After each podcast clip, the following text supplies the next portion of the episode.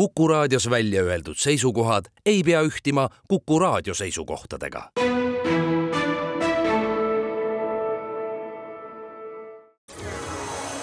loodusajakiri, vaata ka looduseajakiri.ee tere teile, head Kuku raadio kuulajad, ilusat õhtu jätku koos Loodusajakirja saatega. täna on külas Tallinna Ülikooli arheoloogia teaduskogu vanemteadur Erkki Russov, tervist! tere!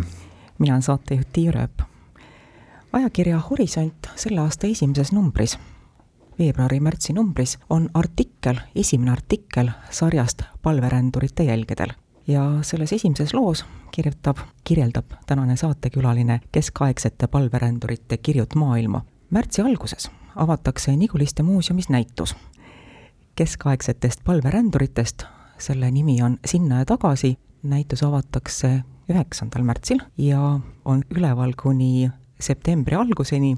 selle näituse kuraator on tänane saatekülaline Erkki Russov. nüüd sai minu lohisev sissejuhatus läbi ja see päädib küsimusega, mis oli enne, kas plaan teha näitus või plaan kirjutada artiklisari? sellele küsimusele saab äh, vastata kaheosaliselt ja selle esimene osa on see, et äh, näitus sai tõuke ühest erakordsest äh, arheoloogilisest äh, uuringust, nimelt kaks tuhat kaheksateist kevadel äh, Tallinnas Kalamaja ajaloolises eeslinnas tuli välja keskaegne prügimägi, viieteistkümnenda sajandi prügiladestus, kus pea-aastase uuringu põhjal tuli välja umbes nelikümmend tuhat eseme leidu, mis valdavalt on viieteistkümnendast sajandist. ja nende seas on päris arvukalt ka usuteemalisi esemeid, mitte ainult palverand, ka kõike muud. ja see kogum on võrreldes varasemaga märkimisväärselt suurem, et meil sisuliselt ei olnudki võimalik ennem teha selleteemalist näitust, vähemalt mitte ainelise materjali põhjal, noh, ajaloolaste ainese põhjal kindlasti, kunstiajaloolaste puhul ka, arheoloogiat oleks jäänud napiks. nüüd käies kahekümnendal aastal sügisel Saksamaal sattusin ma sellisele huvitavale näitusele nagu Pilgerspuren Lüneburgis, kus sisuliselt analoogilise ainese põhjal, see oli mitmest Saksa linnast välja kaevatud arheoloogiline leiuaines, oli tehtud palverännu teemaline näitus. hea kolleeg Anton Pärn küsis mu käest, et kuule, et, et äsja tuli Tallinnast selline kogum välja, et kas ei tahaks näitust teha. seedisin päevakese ja leidsin, et tegelikult päris hea mõte tol hetkel ma lükkasin selle mõnes mõttes kõrvale, leppisin küll Kunstimuuseumiga kokku, et võiks teha kahekümne neljandal aastal sellise näituse, siduda selle juubeliga, nimelt tänavu möödub viissada aastat reformatsioonist Tallinnas. ja, ja palveränd kui teema sellega kadus tolleaegse inimese elust see on nagu üks osa sellest küsimusele vastusest, teine osa on seotud sellega, et umbes samal ajal, kaks tuhat kaheksateist, kaks tuhat üheksateist tegelesin ma väga intensiivselt Tallinna tekkeajaga, ehk siis kaheteistkümnenda, kolmeteistkümnenda sajandiga, sest kaks tuhat üheksateist möödus kaheksasada aastat esimesest Tallinna tõsikindlast mainimisest. tuhat kakssada üheksateist Taani kuningas Valdemar Teine tuli oma ristisõdijate väega Tallinna alla, vallutas Tallinna, organiseeris Põhja-Eesti ristiusustamise ja selle juubeli puhul tekkis mul mõte, et miks mitte lisaks näitusele, mis toona sai avatud, ka iganädalaselt võtta teema mõne esemeliigi kaudu kokku, et kolmeteistkümnenda sajandi Tallinn, kuidas linn tekkis? Ja siis sai kirjutatud peaaegu igal nädalal Postimehe nädalalõpu lisas laupäeval väikene artikkel. Ja nüüd pärast seda artikliseeriat, mis sai väga positiivse tagasiside, tekkis mul palverännu näitust koostades mõte, et miks mitte midagi teha analoogset. aga see pea viiskümmend artiklit on paras väljakutse ja ma leidsin, et ma nii palju seekord ei jaksa pingutada, aga üks Horisondi artikliseeria vast õnnestub ikka kokku panna. kui me vaatleme palverännakuid Liivimaal, Liivimaale kolmeteistkümnendal sajandil, kui suur osakaal on seal tõeliselt vagal palverännul ja sellisel relvastatud agressioonil, mis siis ju ka toimus? toimus.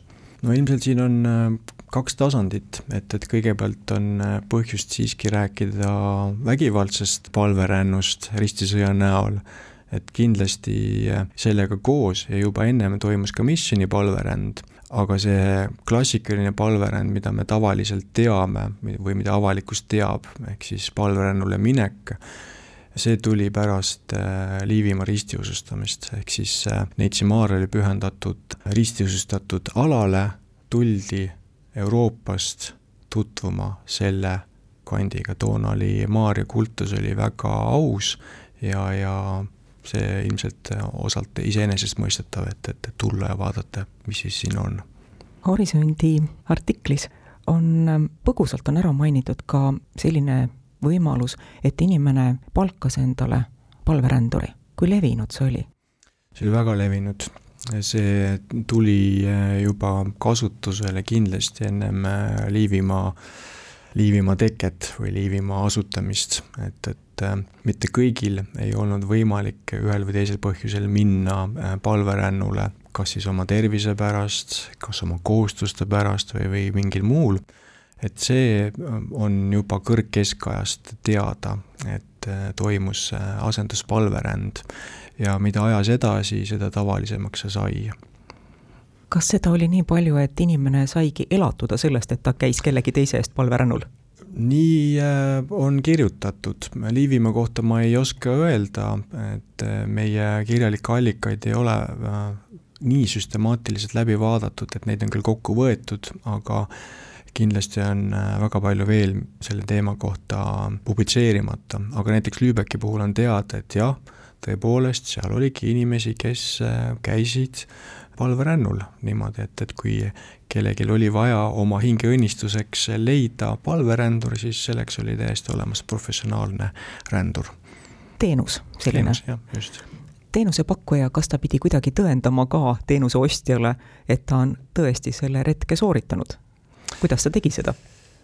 jaa mm,, sellega on keerulised lood, et äh, palverennu tõendamist on ilmselt äh, päris mitmel moel võimalik, et see kõige klassikalisem, mida me teame, on äh, palverennu märk või palverennu meene kaasavõtmine. et see on ühest küljest, äh, tõendab, et, et sa oled seal käinud, aga nii-öelda ametlikul tasandil jäi sellest väheks, et kui mindi näiteks karistuspalverännule, ehk siis keegi oli sooritanud kuriteo või siis patu, siis minnes palverännule sihtpunktis pidi ta nõutama omale kirjaliku tõendi, et ta on sooritanud edukalt oma karistuspalverännu. sellise hingeõnnistuse jaoks tehtud palverännu puhul ma eeldan, et piisas ka märgi ette näitamisest. kui on vajadus, on ka pakkumine kas on märke ka sellest, kirjalikke allikaid näiteks, et oli võimalik endale soetada see märk, et ma olen palverännul käinud? jaa, neid on äh, päris erinevaid ähm, tõendeid, et äh, huvitaval kombel on äh, mitmest kohast leitud palverännu valuvorme, mis sellest palverännu kohast endast on kümneid, kui mitte sadu kilomeetreid eemal näiteks hiliskeskajal üks tuntumaid palverennukohti Vilsnak, Vilsnaki märkide valuvorm on leitud Taanist, selle puhul on esitatud äh, oletus, et, et võimalik, et keegi äh, seadis seal üles alternatiivse töökoja, et siis nendele, kellel vaja, märke pakkuda raha eest. aga samas on ka kirjalikest allikatest teada, et äh, näiteks Inglismaalt et mõned äh, jõukama sissetulekuga kodanikud on äh, pöördunud palveränduri poole, et kas sa saaksid mulle oma märgi anda, sellepärast et mul on seda vaja. kas on ka ülestähendused, milline oli vastus? oh jah, palun. vastuse osas on juba natuke keerulisem, et, et küllap oli nii üht kui teist selle märgi puhul tuleb arvestada, et see ei ole lihtsalt asi, vaid äh, sageli keskaja inimese jaoks oli see ka sügavamat äh, tähendust äh, omav ese. ta sisaldas pühadust, et kui sa olid kohapeal käinud, sa võimaluselt katsusid selle pühadust katsuda näiteks reliikiat, märgiga näiteks, või osa märkidest on peegliga, sa üritasid selle pühaduse peeglisse saada ja tuua see pühadus koju ja kui sa oled selle pühaduse endaga kaasa võtnud, siis ma julgen arvata, et nii lihtsalt sa sellest loobuda ei tahtnud. ma ei tea, võib-olla see nüüd on ühe selle artiklisarja artikli teema, aga mis oli märgiks, et inimene on käinud palverännul? tõepoolest, sellest äh, on kavas kirjutada selle seeria lõpupoole, et kõigepealt siin tuleb meil juttu äh, pühakutest, siis sellest, kuidas äh, minna reisile, mis toimus koha peal mida tehti tagasiteel ja siis eraldi veel ka, ka märkidest artikkel. ja see teema on ka samamoodi väga kirju, et äh, meened äh, olid väga erinevad, et kui alguses tuldi, siis äh, näiteks pühalt maalt võeti kaasa peotäis mulda või siis vett või siis näiteks palmileht, on teada juba varakeskajast, et et Jeruusalemmas oli vaja palgata turvamehed Pühale Ristile, sellepärast et palverändurid tulid ja hakkasid närima risti, et saaks meened kaasa võtta. aja jooksul äh, turvameetmed kasvasid ja seetõttu äh, asendati äh, need suveniiridega, mida oli siis võimalik kordades ja kordades taastoota. tahtsin pärida ka selle kohta, kui palju kohalik maarahvas Liivimaal võis käia palverännakul Eesti-siseselt, Liivimaa siseselt või siis väljapoole, oli see üldse võimalik? üldiselt äh, tundub, et Eesti maarahvas sellistel kaugpalverännakutel ei käinud, et selleks lihtsalt puudusid võimalused, et olgu need siis kohustuste tõttu, arvestame, et tegemist on ikkagi valdavalt maarahvaga, ehk nad on oma põllu külge kinni köidetud, sa ei saa lihtsalt minna kuudeks aastateks ära, sul on kohustused.